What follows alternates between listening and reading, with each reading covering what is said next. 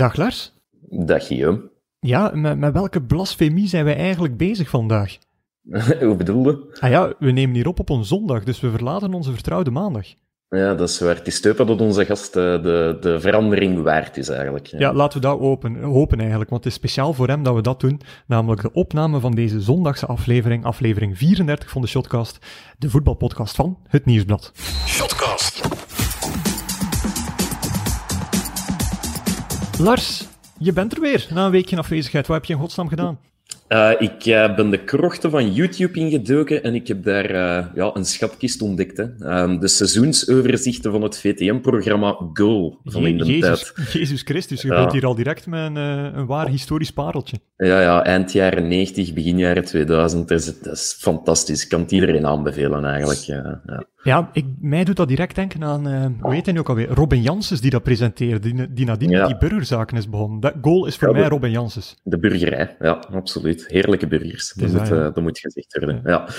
Ook, ja. ook, ook, welkom trouwens, Burger Verstraten. Want we zijn hier al terug met ons tweeten aan het praten te zijn. Maar we zijn even vergeten dat jij eigenlijk onze gast bent vandaag. Ben, ben jij ook zo'n fan van Goal geweest vroeger? Uh, elke zaterdagavond naar kijken? Ja, ja, ja. Zeker en vast. Dus uh, ik heb ook echt alles gevolgd. Dus ga maar verder, ik probeer te volgen. En, en was dat vechten om die zaterdagavond op het voetbal te krijgen thuis? Omdat er misschien andere mensen waren in het huis die liever een film wilden kijken of iets anders? Of, of was iedereen voetbalminded? Nee, nee, iedereen was voetbalminded. De zaterdagavond was de goal. Dus uh, voor de rest werd er niet veel gekeken de zaterdagavond dan. En, en uh, naast goal deed je dan ook zo de combo die ik bijvoorbeeld deed, zo sportshow en dan, ere, en dan uh, wat is het, studio voetbal nadien. Want bij mij was dat zo'n vast traject, zodat nee. toch al die, al die competities kon aflopen. Vooral de, de zondagmorgen dan Match of the Day. Ah, ja, tuurlijk. Ja. Dat, is dat was het best. Ja. Nee, super. Ja. Uh, hoe, Birrer, uh, is dat vooral, hoe, hoe is het met jou? Want we vergeten hier eigenlijk dat jij in het midden van een pre-season zit met Keulen. Ja, het is toevallig dat we eigenlijk een weekendje vrij hebben nu. Maar het is echt wel het pre-season gevoel. Het is veel lopen, ja. um, veel afstand maken.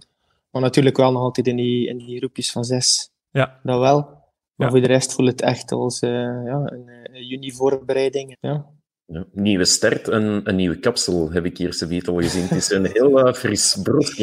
Ik, ja, ik zei daar net tegen Guillaume, maar dat doet me een beetje denken aan een crimineel, aan een, aan een, aan een gevangenisklant. het is goed dat je nu, op de uh, zit. Ja. Nu, om, die quarantaine was van de baard wat te laten groeien en uh, ja. Wat te scheren naar boven. Eerst was het 3 mm, het was, het was nog erg gelukkig, groeit het wat terug. Dus. dus en, en ook al zo'n beetje gelijk als ik, een klein beetje inhammetjes. Ik denk dat, ik denk dat Istanbul is calling. Ja. oh, geweldig. Ook, al, ook altijd leuk als we visuele mopjes maken voor een, voor een audioproduct, maar, uh, maar goed. Uh, nee, uh, kun je ja. nog even zeggen waarom eigenlijk jij in pre-season zit? En, want ja, heel de wereld zit in voetbalquarantaine ook, maar in Duitsland gaan ze binnen drie weken er normaal opnieuw aan beginnen. Ja, wij zijn eigenlijk als een van de eerste landen, denk ik, effectief in quarantaine geplaatst. Het is geen training niet meer. Ik heb, denk ik, al vijf weken in vaste quarantaine gezeten. Zelf niet, niet, niet buiten geweest voor, voor uh, de winkel of eender Mijn vriendin deed dat echt in, in vaste quarantaine. Okay. En uh, wij zijn eigenlijk bij een trein twee weken terug. Uh, in de groepjes van zes, waarin dan er een groep om tien uur traint, een groep om twee uur traint en een groep die thuis een loper maakt. Dus er wordt gevraagd om kwart na negen op de groep te zijn, om tien uur begint de training. Het is een ja. training van anderhalf uur. En dan moet iedereen weg. Iedereen die moet thuis douchen. Dan komt er eigenlijk een heel desinfectieteam die alles komt ontsmetten, die alles komt doen. En de tweede groep die is welkom van kwart na één. Om twee uur begint de training, anderhalf uur terug. En terug ja. dat ontsmettingsteam die komt. Er wordt ook thuis gedoucht, thuis ontbeten, thuis gegeten. Eigenlijk puur op de club om effectief uh, te trainen. Omdat in Duitsland er... Ja. Ja, zeg maar, iedereen is er zeker van de competitie die start terug. Hij zit nu 9 mei of 16 mei.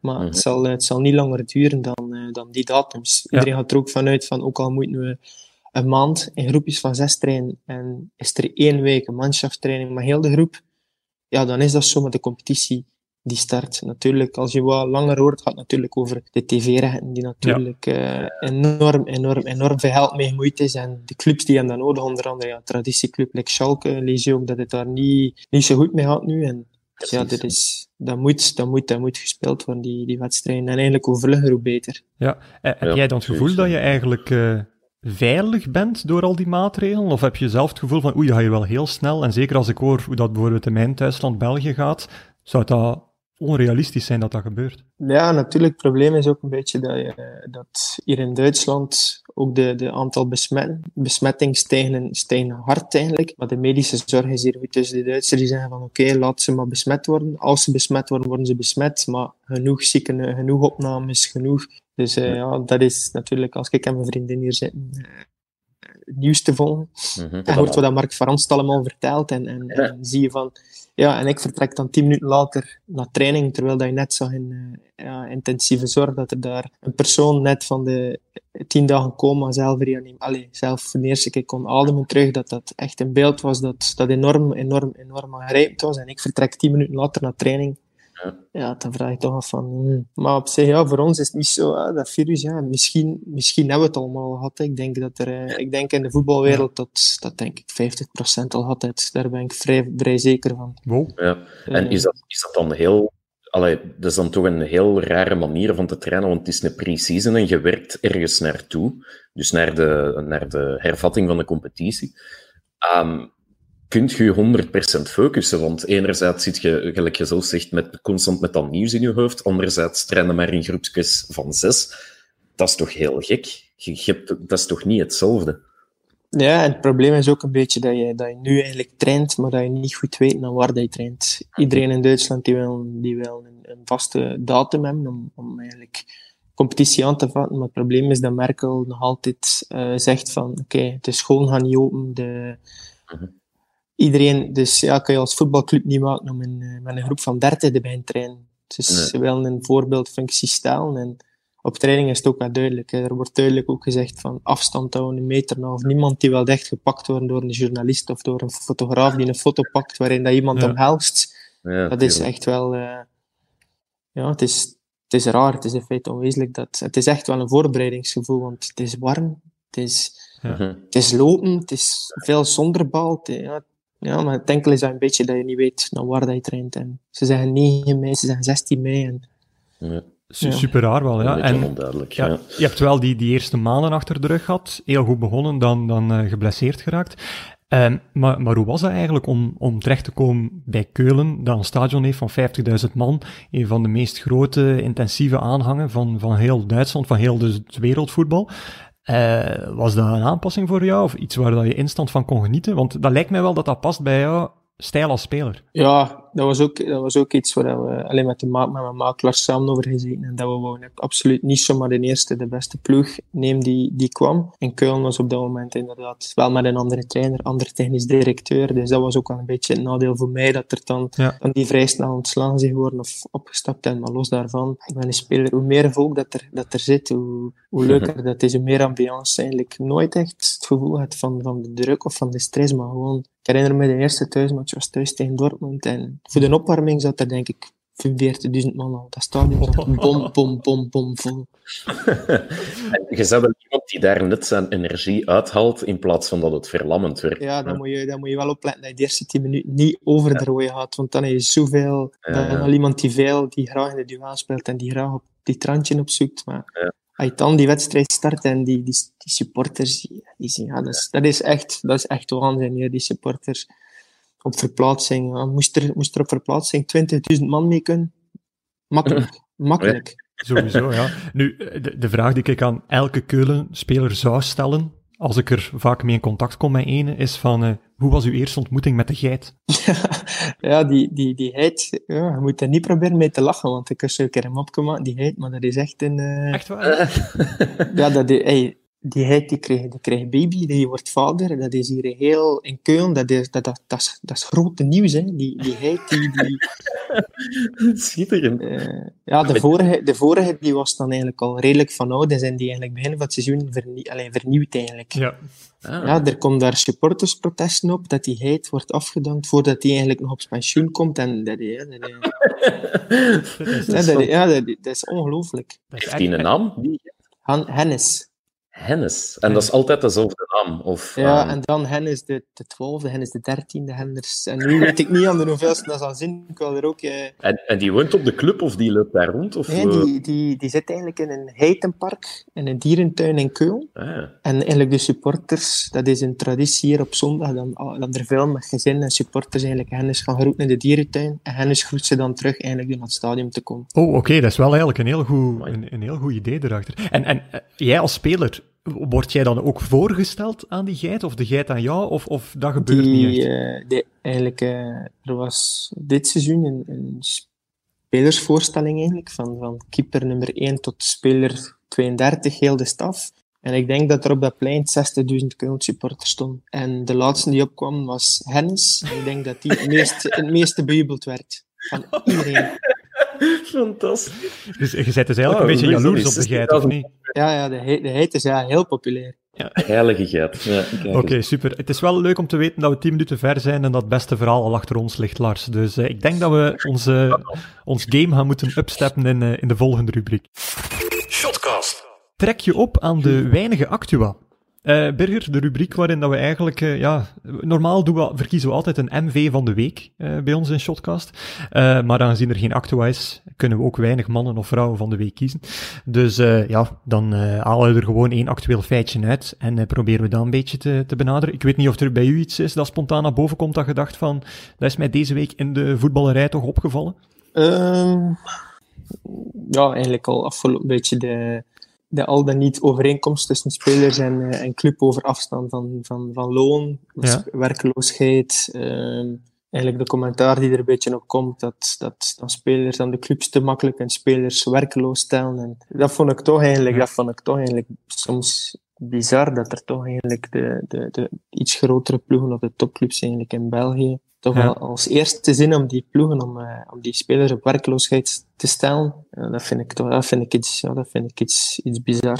Ja, Mhm. ik, ik vind wel, allee, niet vreemd dat je dat zegt, maar normaal, al- als we dat voorstellen aan de speler van, zouden we daarover kunnen praten, dan zegt hij vaak van, nee, liever niet. En jij brengt het nu zelf op. Dus ik vind dat wel leuk dat je zo open bent over dat financiële ja, aspect. nee, allee, ik, eh, ik ben iemand die, die graag open praat over, over elk thema en probeer altijd wel eerlijk te zijn. En, en ja, dat, dat is iets dat me, dat me, dat me, dat me verbaast eigenlijk. Dat, dat, de, dat de ploegen eigenlijk zo, zo snel naar die werk, allee, werkloosheid Mhm. zo snel grijpen in feite dat zoiets is als van, hm, oké, we zetten ze daarop, hebben we er weinig last niet meer van. En, Ja, ik vind het opvallend dat je het zegt, net zoals Guillaume aanhaalt, omdat eigenlijk, ik, ik heb de indruk dat een teneur zo is van, ja, typisch voetbalclubs, terwijl jij verbaast er je nog over. Dat, dat is een beetje het, het, het aparte eraan. Ehm, veel mensen zijn al zodanig cynisch geworden, dat ze zeggen van, ja, uiteraard doen die voetbalclubs dan, omdat die echt geen, geen, geen besef hebben van, van ethiek of van... ehm, Nee, ik Ja. denk, dat, denk wel de laatste jaren dat er, eh, dat er in Belgisch voetbal ook in, eh, naar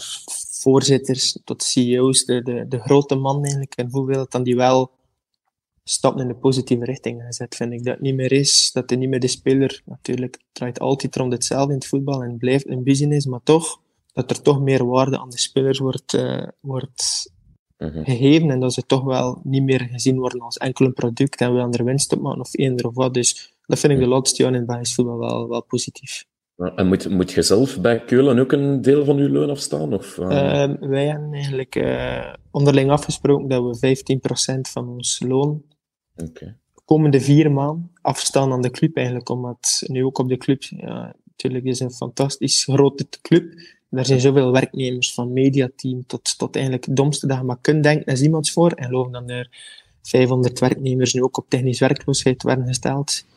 En toen wij als club toch eh, zorgen dat we eigenlijk gewoon een deel van ons loon afstaan, zodat die, Ja. zodat die gezinnen in feite niets voelen eigenlijk van de, van de crisis en dat wij als spelers proberen een beetje te recupereren. Ja, terwijl jullie wel 100% blijven doortrainen eigenlijk. Dus los van het feit dat de club de matchinkomsten niet heeft, zou alles zijn normale gangetje kunnen gaan. Ja, en natuurlijk als, als club natuurlijk, eh, is het ook wel mooi, want eh, we hebben erover gesproken met de, met de, met de, bespu- met de bestuursleden en ik denk dat het gaat over 3 miljoen euro per match. Dat is het Mm, als inkomsten. Natuurlijk, ja, dat er, dat er 50.000 man komt en, en de Duitsers die drinken graag bier, eten graag braadworst. En dat is, ja, daar, daar wordt wel wat geconsumeerd en als je als ploeg dan eigenlijk... De, weet, allee, er gaat geen match niet meer met publiek gespeeld worden, dat je elke thuismatch Mhm. 3 miljoen verliest en er moet er eigenlijk nog een match of 4, 5 komen, ja, dan weet je wel dat je wat verloren hebt. Maar die club die wil ook niet het onderste te kangelen bij die spelers en, en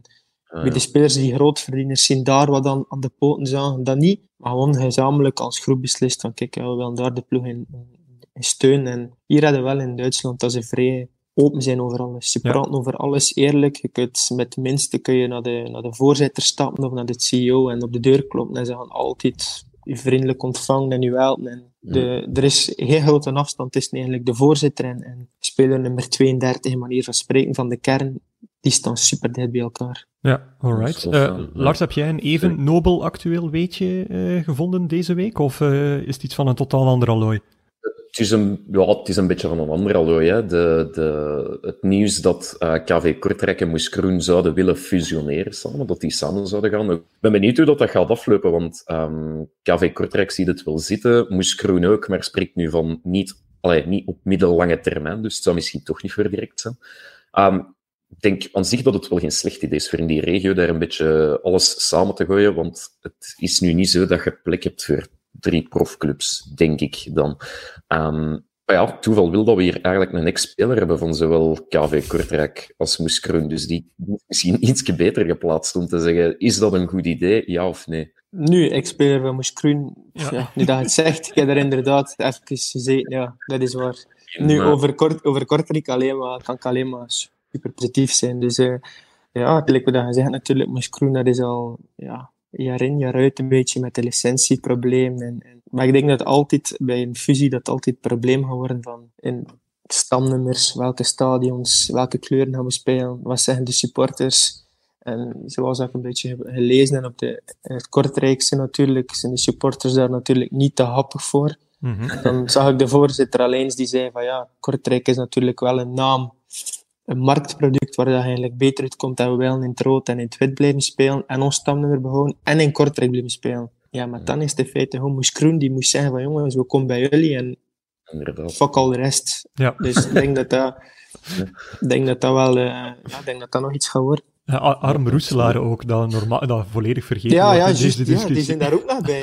Ja, arme jongens. Nee, maar nu dat je zei van eh Moes Kroen, dat je zei van, ja, ik heb daar ook nog gezeten. Maar was dat niet een redelijk ingrijpende gebeurtenis ook? Want ik herinner mij, denk ik, een interview van jou samen met Zinho Gano over echt pestverhalen eh, jegens de Vlamingen toen. Ja, ik moet zeggen dat er daar dat seizoen gebeurd was, dat was dat echt eh, redelijk, redelijk zot. Maar ja, het is ondertussen ook al, eh denk ik, Geef eens nog een voorbeeldverhaaltje van toen. Ja, ik weet nog dat ik en onder de douche stond, zo wat Vlaams te spreken onder elkaar. En, en dat die trainer gewoon binnenkwam en zei, er wordt hier geen Vlaams gesproken. Je wil Vlaams spreken, moet je maar teruggaan van waar hij komt. Met dat we alle twee van Brugge kwamen. Ja, dat was een van de zoveel... Ja. Maar die, ze deden er ook wel niet, niet flauw over. Ze deden van, ja, wij zes Belgen nodig op blad. En ja, we zitten hier natuurlijk met 19 of 20 spelers van, van Lille dat we wel opleiden. En dat is onze prioriteit, maar we hebben Belgen nodig. Dan dacht ik, ja vriend, wou je dat geen drie man neder zijn eigenlijk? Dan, eh, Ja. ja, maar uiteindelijk, ja. Ik zeg, dat jaar in mijn- het was wel mentaal heel moeilijk. Maar Ja. aan de andere kant denk ik wel dat elke speler misschien een keer in zijn carrière een jaar gaat tegenkomen dat hij zoiets nodig heeft om te beseffen wel hoe leuk dat is om eigenlijk goed, je goed te voelen en, en te spelen. En, want dat blijft altijd het belangrijkste voor mij. Spelen Ja, en je amuseren. ja. Sowieso. En, en voor verhaal tussen KV Kortrijk en Moes Kroen, de mogelijke fusie.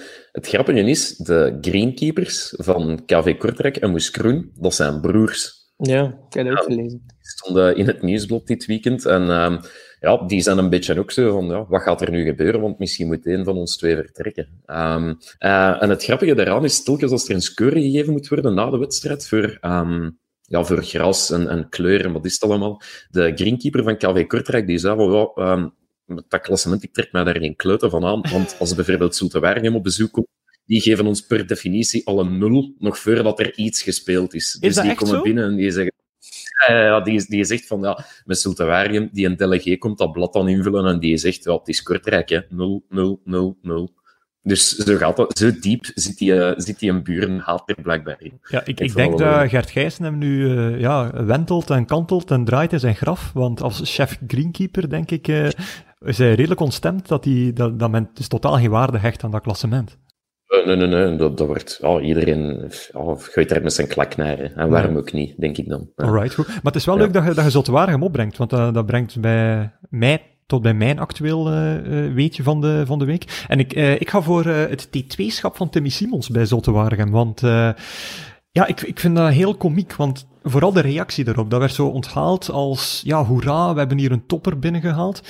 Terwijl Timmy Simons voor mij iemand is die eigenlijk, ja, een beetje Vincent Company gewijs, nog niets bewezen heeft, als trainer. En dat is dan weer typerend voor heel de voetbalwereld. Iemand die een grote naam is, iemand die, die heel goed was als speler, die wordt dan de facto binnengehaald als een hele goede trainer.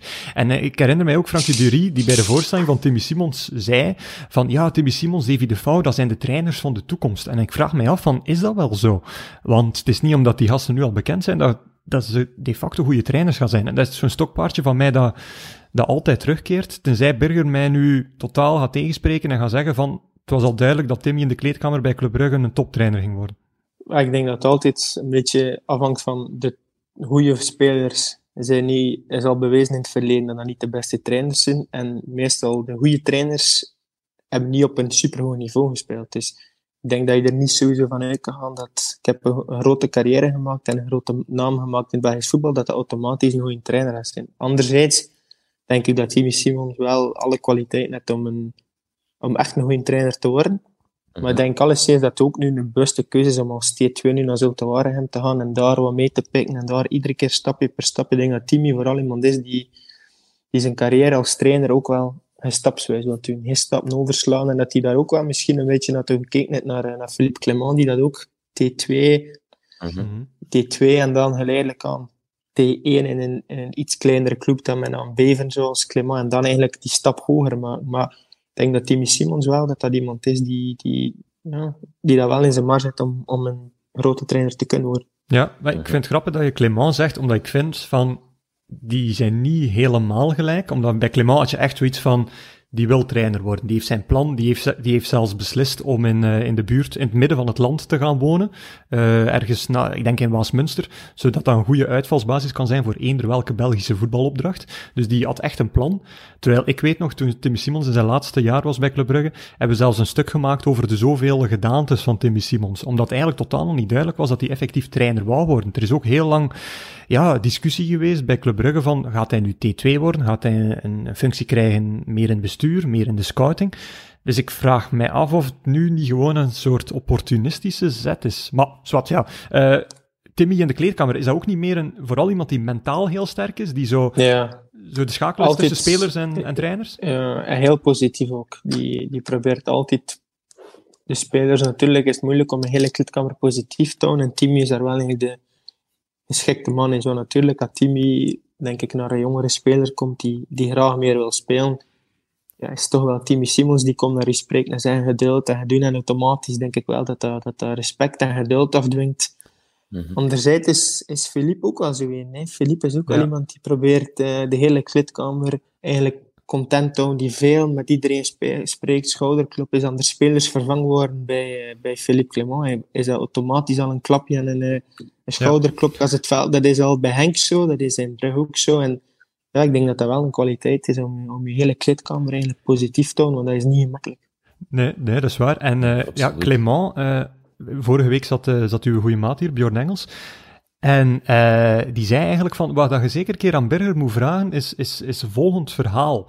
En hij, hij, gaf mij, hij wou het verhaal niet echt zeggen, maar hij gaf mij drie woorden, namelijk de combinatie school, beloften, Clément. En daar moet blijkbaar een heel stevig verhaal aan gekoppeld zijn. Blijkbaar dat Bjorn er niet, niet over spreekt, dan moet ik er ook blijkbaar niet over spreken. Allee. ja, dat, ik denk dat dat, is iets toen, toen we nog heel jong waren. Uh, toen we beloften waren en dat, dat Bruin eigenlijk wel heel content was van ons op het veld. Maar dat school wel een beetje links werd gelegd. En dat eigenlijk Philippe tegen ons altijd heel kalm was en eigenlijk heel tevreden was. We waren uiteindelijk wel de jongens die twee, drie jaar jonger waren dan de rest. Maar die eigenlijk wel met de belofte quasi alle matchen speelden. Dus dat was een beetje de, de papa-figuur voor ons. Maar dan die ene dag is, had hij daar uitgevlogen tegen ons. wow.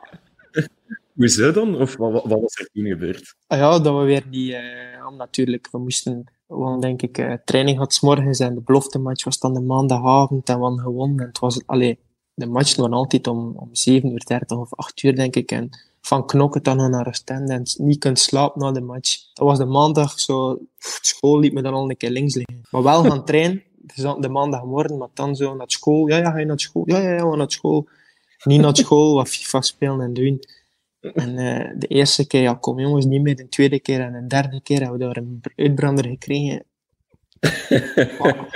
ja, was, het was echt met vloeken en, en roepen en tieren, alles erop en eraan. Ja, ik denk, ja, het was wel, het was stevig. Uh, Philippe had die, is vrij rustig, maar dat hij zijn, kot schieten, dat is ja, is, hij kan het wel. Hè. Oh, geweldig. geweldig, ja. Alright, uh, Lars, uh, je was er vorige week niet, maar toen hebben we een, een klein rondje gedaan, ook met Bjorn Engels, uh, na de vraag naar zijn favoriete amateurclub. Daar kwam dan Lembeke uit, waar dat hij trouwens een correctie op heeft gehad van Len de Vrieze. Die zei van, Lembeke komt uit een tweede provinciale fondseizoen en niet derde. Dus Bjorn, een, je bent echt een ware fan van Lembeke, blijkt zo. maar Lars, heb jij niet een, een favoriete amateurclub? Ja, uiteraard. Hè. Uh, de club uit mijn geboortedorp. Uh, Rodien de Hoek genaamd. En dat is een, uh, een club die al meer namen heeft gehad dan, dan heel adellijk België tezamen. Dus is om de tien jaar verandert die club van naam. Maar ja, het is een club waar ik ben beginnen voetballen. En, en Jij voetballen? Mijn familie is er fan van. Ja, toen ik nog klein was. Hè. Nog klein en, en mager. En zo. um, dat, is, dat, is, al heel lang geleden. Toen de dieren nog spraken, um, heb ik daar mijn eerste stapjes gezet. En dat is, dat is heel mijn familie is er fan. Iedereen gaat daar ook altijd naar kijken. Dus ja, speciale band, ik zal zeggen. Nee, top. Ah, wel, maar we hadden er dus een, een oproep aan gekoppeld naar onze luisteraars. Dus, uh, geef eens het argument waarom dat jullie amateurclub de beste is. We hebben er heel veel binnengekregen. Het, het nieuwe of oude SK Beveren, KSK Wenduinen. Dessel Sport, Sporting IJzeringen. Maar we hebben er een stuk of zes uitgehaald, Lars, die misschien wat extra aandacht ver, verdienen. Namelijk het eerste van, van Kenneth Pilet, die, die wees ons naar SC Oud Hoegaarden, wat een fusieclub is tussen Hoegaarden en Oudgaarden. Er is in Vlaams-Brabant. En uh, naast veel vijven en zessen is het doorslaggevende argument daar Tom Soetaars, de Tom Soetaars, die lang verdwenen is als voetbalanalist, is daar trainer. Ah, ja. Ik heb daar nog een verhaal over, over die Tom Soetaars. En ja? ik, ga, ik ga een beetje voorzichtigheid inbouwen. Het is maar van horen zeggen, dus voor wat het waard is. Um, je kent dat in pre-season, zo die eerste vriendenmatchjes en zo, uh, moeten altijd zo bij een amateurclub gaan spelen. En dat was Racing Genk tegen Tienen, als ik mij niet vergis. Um, en natuurlijk, ja, hoe dat, dat gaat, de stervoetballers komen daar en, en ja, die worden dan zo een beetje uitgescheten en uitgedaagd. Ja. En die een dag had Tom Soetaers de, de, de boter gevreten voor die thuisfonds. Uh, wordt daar een hele match uitgemaakt, uitgedaagd, al wat dat je wilt. Totdat op het einde van die match, hij, ja, alsof het zo moest zijn, hij maakte een goal, een vrij knappe goal, waardoor dat hij het met zijn vingertje langs al die gaat lopen en roept en morgen allemaal braaf terug naar het fabriek, hè, jongens. En ja, voor wat het waard is. Dus ik, het, het, het, het is een verhaal dat de ronde doet. Ik weet niet of het waar is of niet, maar als het waar is, is het wel vrij stevig. Oké, okay, dus, goed. Uh, uh, Berger, zie jij jezelf dat ook nog doen? Dat je je zo dan opgefokt hebt en dan zo'n uitlating doet? Of, of niet in die, die mate? Nee. nee, ik denk eigenlijk... Supporters naar de match roepen of tijdens de match... Daar ben ik absoluut niet gevoelig voor. Um, ja, een volgend klein amateurclubje of, of uh, provinciaal clubje, dat is uh, inzetting van Stefan Dupré, dat is Excelsior Maria Kerken. Um, het was een club met maar één veld, waar geen gras op stond in oktober, laten we ons weten.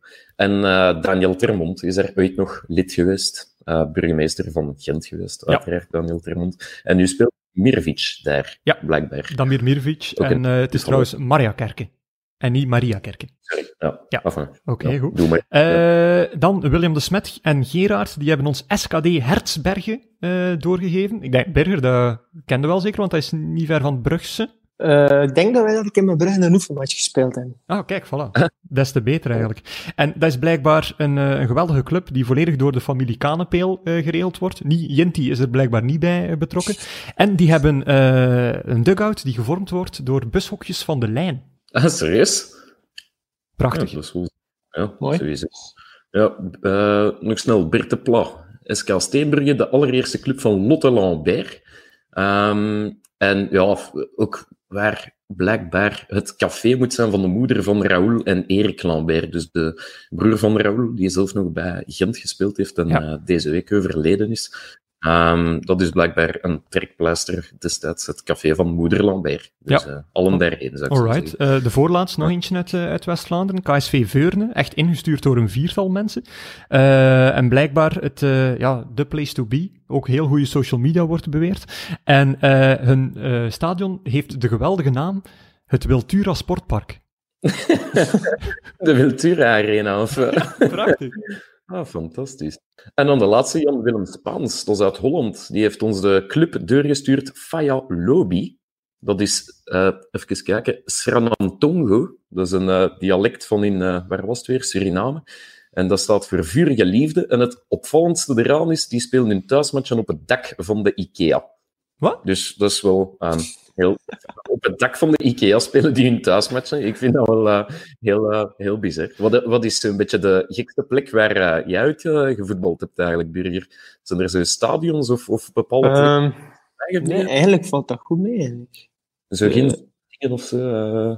Nee, eigenlijk altijd vrij normale veldjes geweest. ja, dat is de beter. Ja. Eh, heb, je, heb je dan een, eh, een amateurliefde? Eigenlijk is het erg om te zeggen, maar eigenlijk niet echt. Nee? En, en, maar je mocht KVO Stende zeggen, hè? want Ah, ja, ja, binnenkort dat is dat weer amateur natuurlijk. Nee, nee, dat denk ik niet. Nee? Dat denk ik niet. Gaat niet gebeuren, hopelijk denk niet. Ja, hopelijk niet. Eh, ja, maar dat, wel- dat wel. Oostende wel. Alright. wel. Want ja, we zullen dan eerst het amateurgehalte eraan eh, aan koppelen. Want je hebt eh, vorige week nog, een- nog een stevige bijdrage geleverd aan eh, ja, het spaarfonds dat, dat onder meer Siani en Berrier hebben opgericht om de club te redden. Eh, ja, omdat ik vond dat ik als... Eigenlijk als... eh, dat is eigenlijk, ja, Oostende is altijd een deel van mijn leven geweest, al vanaf dat ik, dat ik heel jong was. Dus eh, ja, ik wou absoluut eh, ook mijn steentje bijdragen daarin eigenlijk. Gewoon om... eh, niet per se om, om, om, om eender wel, ook totaal niet om, om de sympathiek uit te hangen, want maar puur omdat, omdat voor mij, ja, van mijn jeugd al tot, tot eigenlijk de dag van vandaag, als ik naar België kom vanuit Keulen en Oostende speelt thuis, dan ga ik naar Oostende gaan kijken. Is dat echt? Ja, ja, zeker. zeker.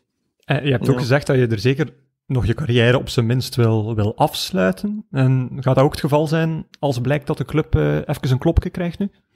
Ja, ik- het is waar dat Oostende ook speelt. En ik, ik, ik, ik, ik blijf positief. Ik ga er nog altijd vanuit dat, er, dat, er, dat dat gaat goed komen. Of dat er investeerders komen. Of dat een oplossing komt tussen Mark Koeken en, en Oostende. En stadsbestuur die, die nu bemiddelaar is.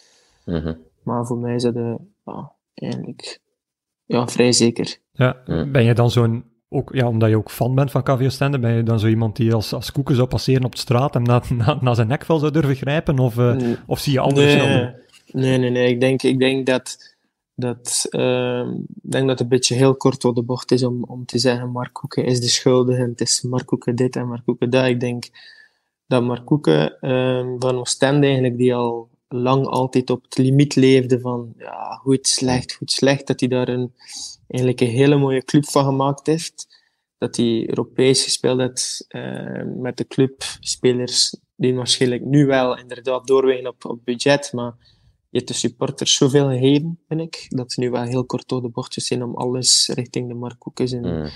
zijn schoen te schuiven. Ik zeg, ik hoop alleen dat Oostende, Mark Koeken en eventueel bemiddelaars en zowel eh, samen een oplossing eh, vinden om, eigenlijk Oostende te rennen. En anders kunnen nog steeds, zoals Edin Dzeko, een, eh, een truitje van u veilen. Hè? Want eh, dat zal wel Ja, genoeg opbrengen om het gat te dichten, waarschijnlijk. Ja, ik denk niet dat die, dat, dat veel gaat opbrengen. Allee, dus, dus, dus goed te weten. Over naar het volgende. Shotcast.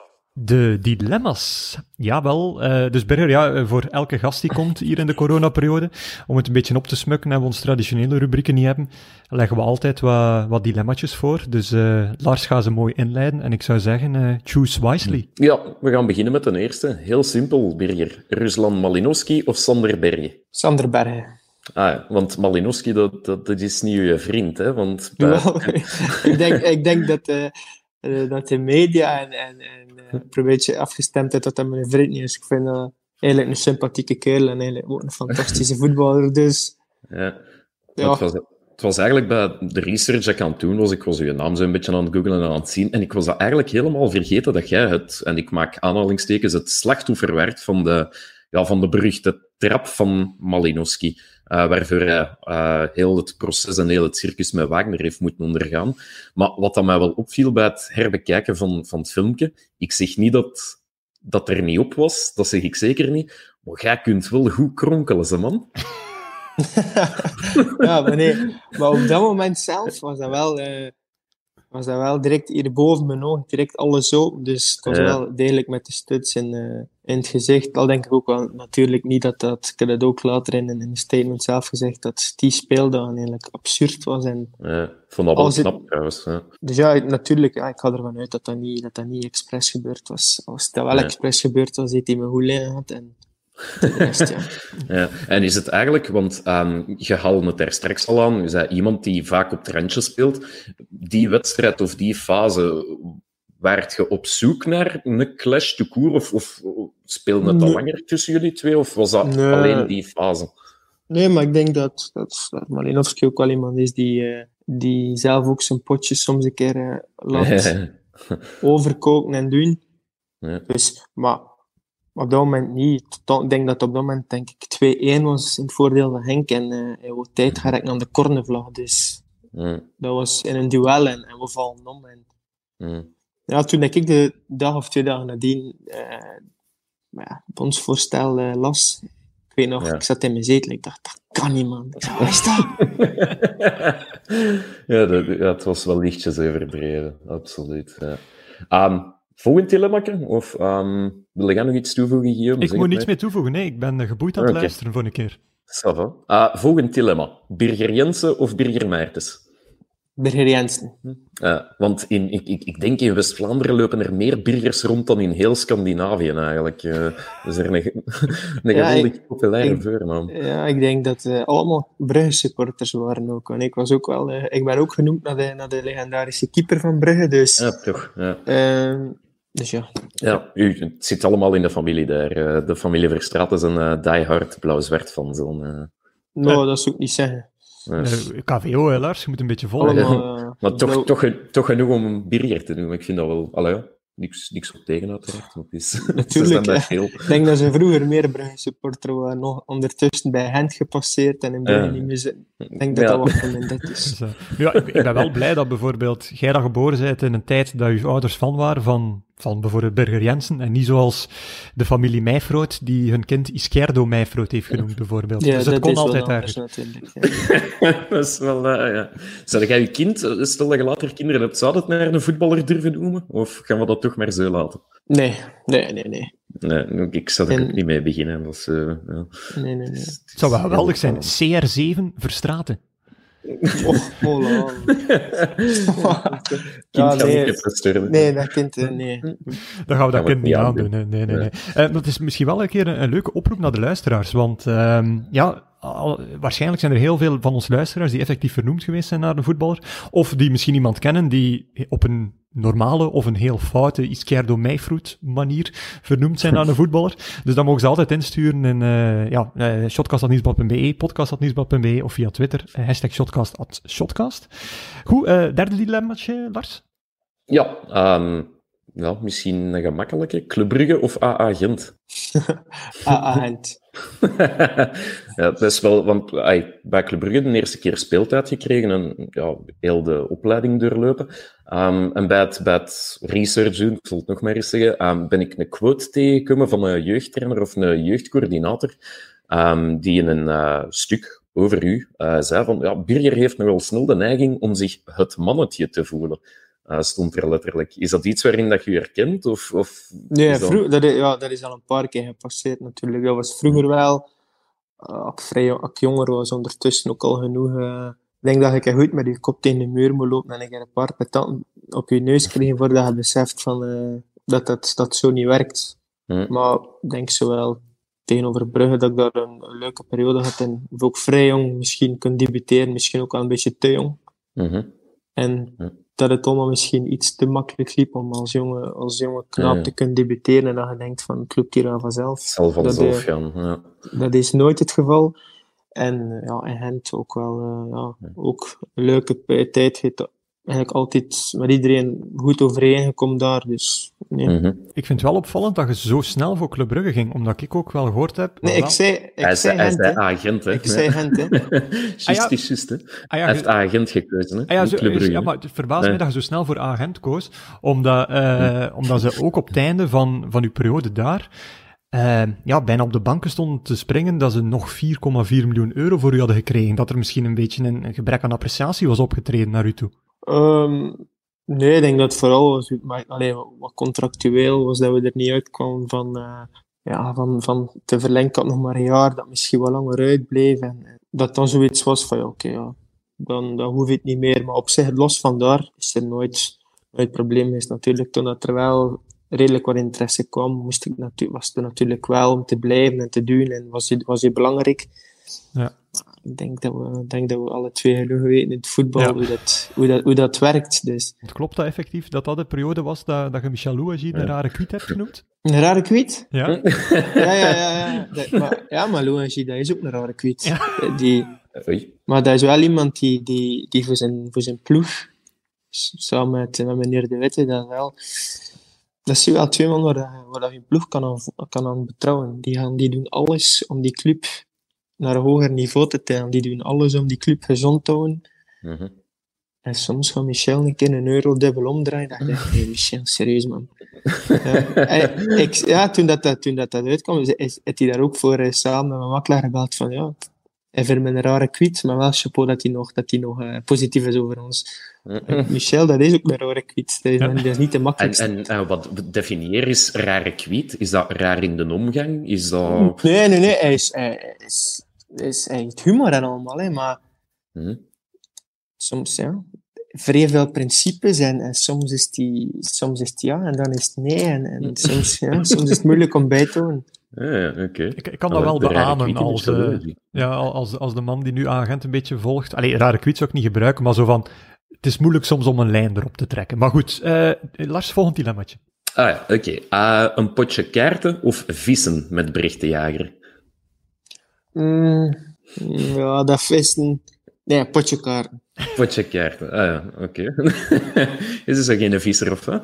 Ja, dat was dus leuk voor een, voor een kwartier en als je dan nog geen vis gepakt Ja, hebt, ja, dan is het klaar voor die perd. Dan moet er moet wat actie zijn. Moet Dat is er zo, voort ja. gaan inkomen.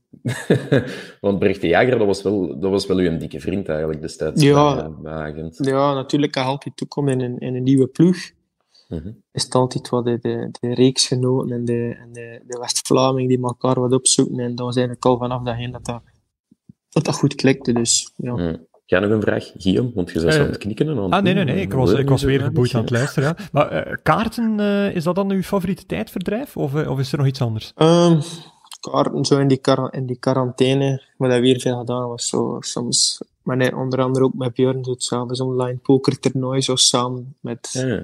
Met wel een, ja, Tuur Dirks ook, Mats Rits. Met, met, met, met een paar dat we toch wel een online pokertoernooitje organiseren. Totaal, Ja. niet, totaal niet voor het, eh, voor het grote geld hoor.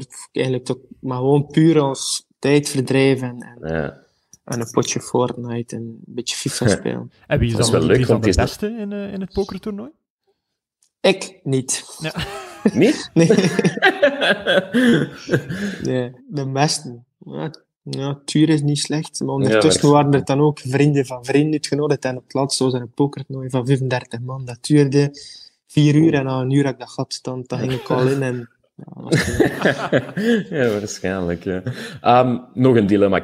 Puur hypothetisch. Kampioen worden met Keulen of als basispion mee naar het EK? oh, kampioen worden met Keulen. Dan. Ja? Serieus? Ja. Dan moet er wel de max zijn, eigenlijk. Ja.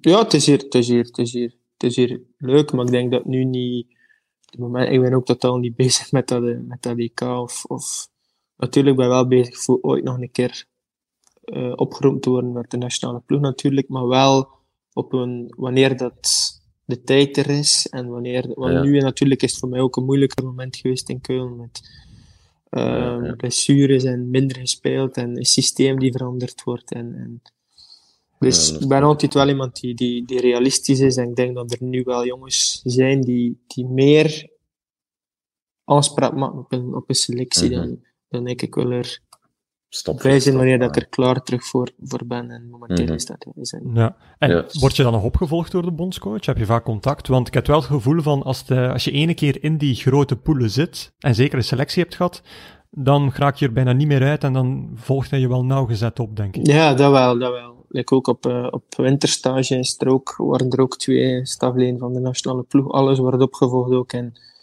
eh, ja, ik was natuurlijk naar hier gekomen met een, met een missie natuurlijk. Dat, met Achim Bayerlot er iemand die in Leipzig wel zijn streken verdiend had en die bekend stond van de opbouw van achteruit. En die eigenlijk een zes wou en die meestal met de drie, met de drie mans opbouw kwam en die van daaruit het spel verdeelde. Hij is dan vertrokken, de technisch directeur Armin V, die is ook moeten vertrekken. En is eigenlijk een heel nieuw ding gekomen, nieuwe spelers binnenhaald. En eigenlijk een ander systeem, meer vanuit de tweede bal meer de lange bal spelen, meer in het duel spelen.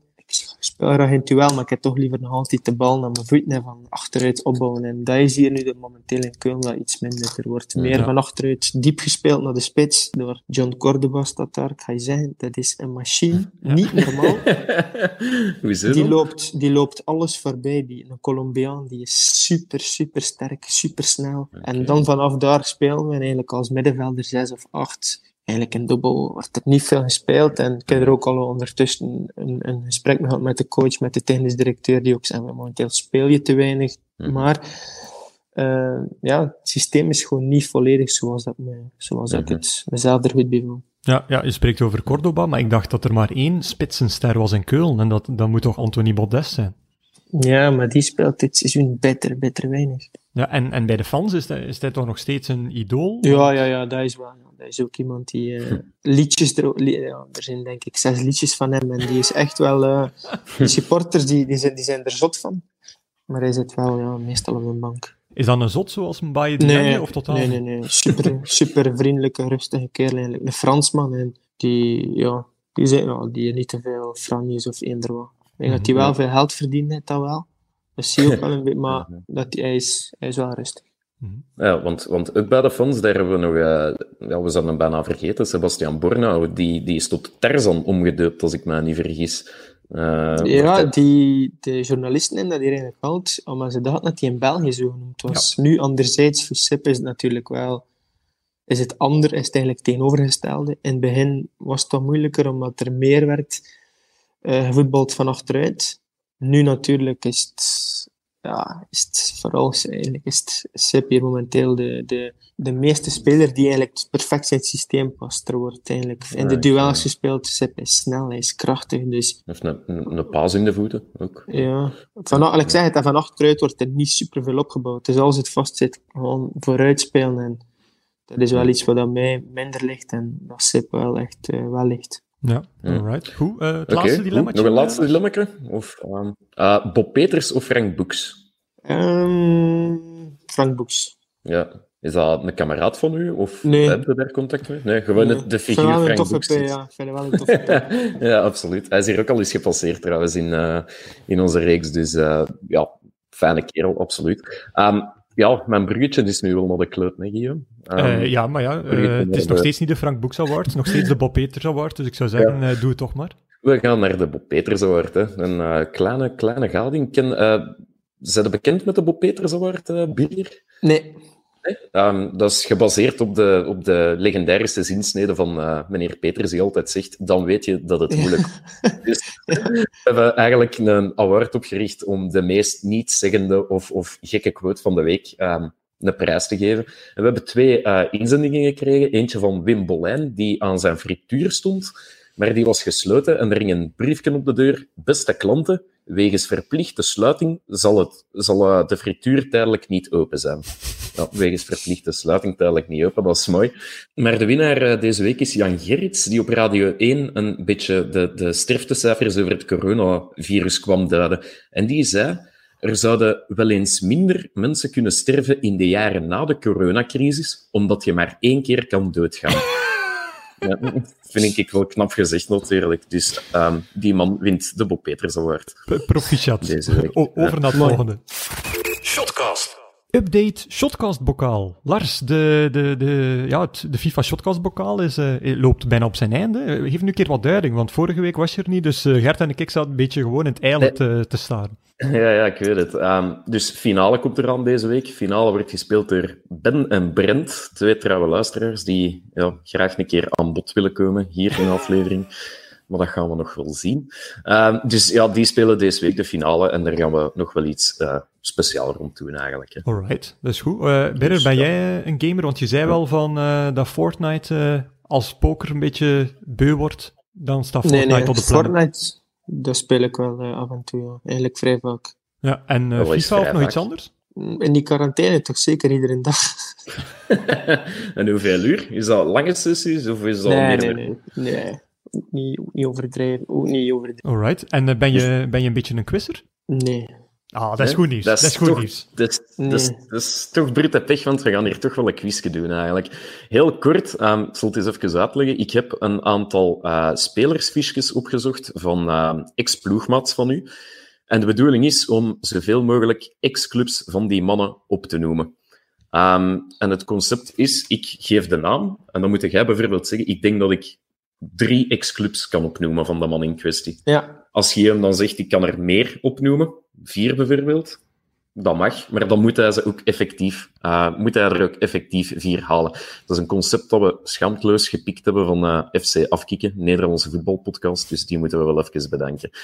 Um, ik stel voor dat we er direct aan beginnen. Hè. Ik heb er drie meegebracht en de eerste is Hervé Cagé. Dus Birger, hoeveel ex-clubs van Hervé Cagé denk jij op te kunnen noemen? Oh, fuck man. Ja, het zijn niet de simpelste. hè. Uh, twee. Twee. Oké. Okay. Guillaume, ga jij daarover? Ik ga wel voor drie gaan. Voor drie. Birger, jij kunt eventueel nog zeggen, ik ga voor vier, maar dan moeten Nee, ze nee. alle... Niet? Nee, nee, nee. nee, nee. Oké. Open goal voor Guillaume. Guillaume, begin er maar aan. Drie ex-clubs van uh, Hervé Cagé. Kortrijk, Ja, Agent. ja. En dan, hè. Uh, waar heeft hij nog gespeeld? Denk aan je tijd, dan, man. uh, sowieso wel Turkse obscure clubs. Kan ik helaas niet goed rekenen. Nee. Ik wacht nog steeds op... Uh...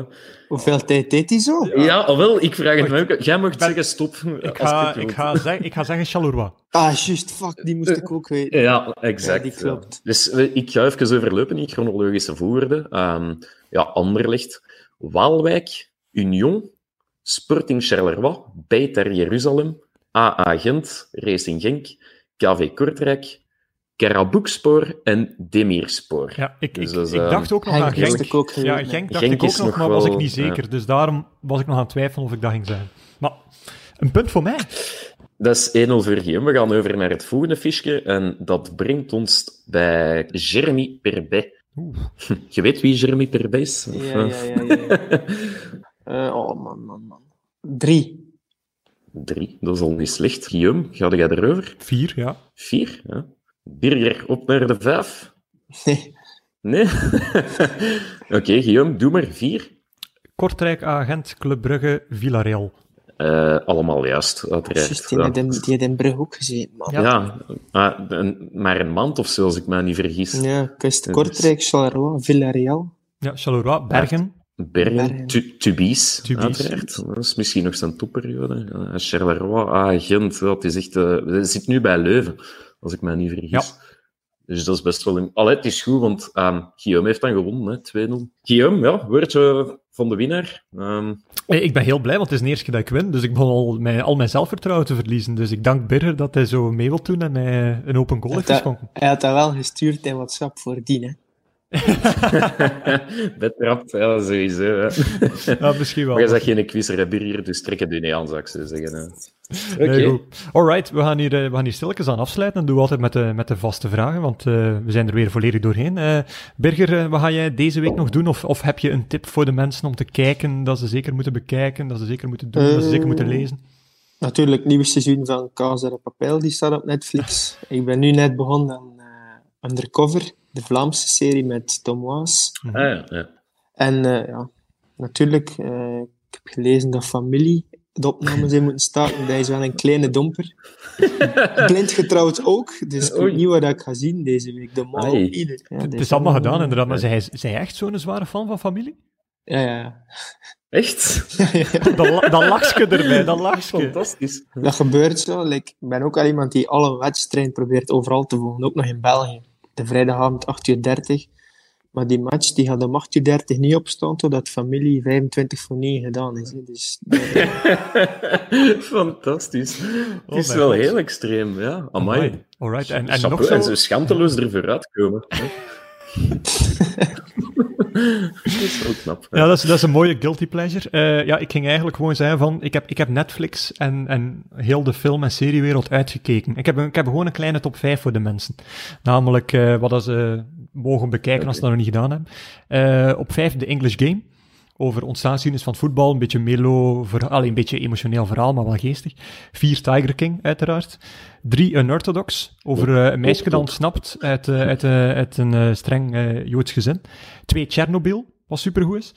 En één, eigenlijk iets dat al jaren bestaat, maar dat ik nu pas ben beginnen kijken en al keihard gebingewatcht heb. Bojack Horseman. Ah, ja. ja, dat is ook nog wel leuk. Ja.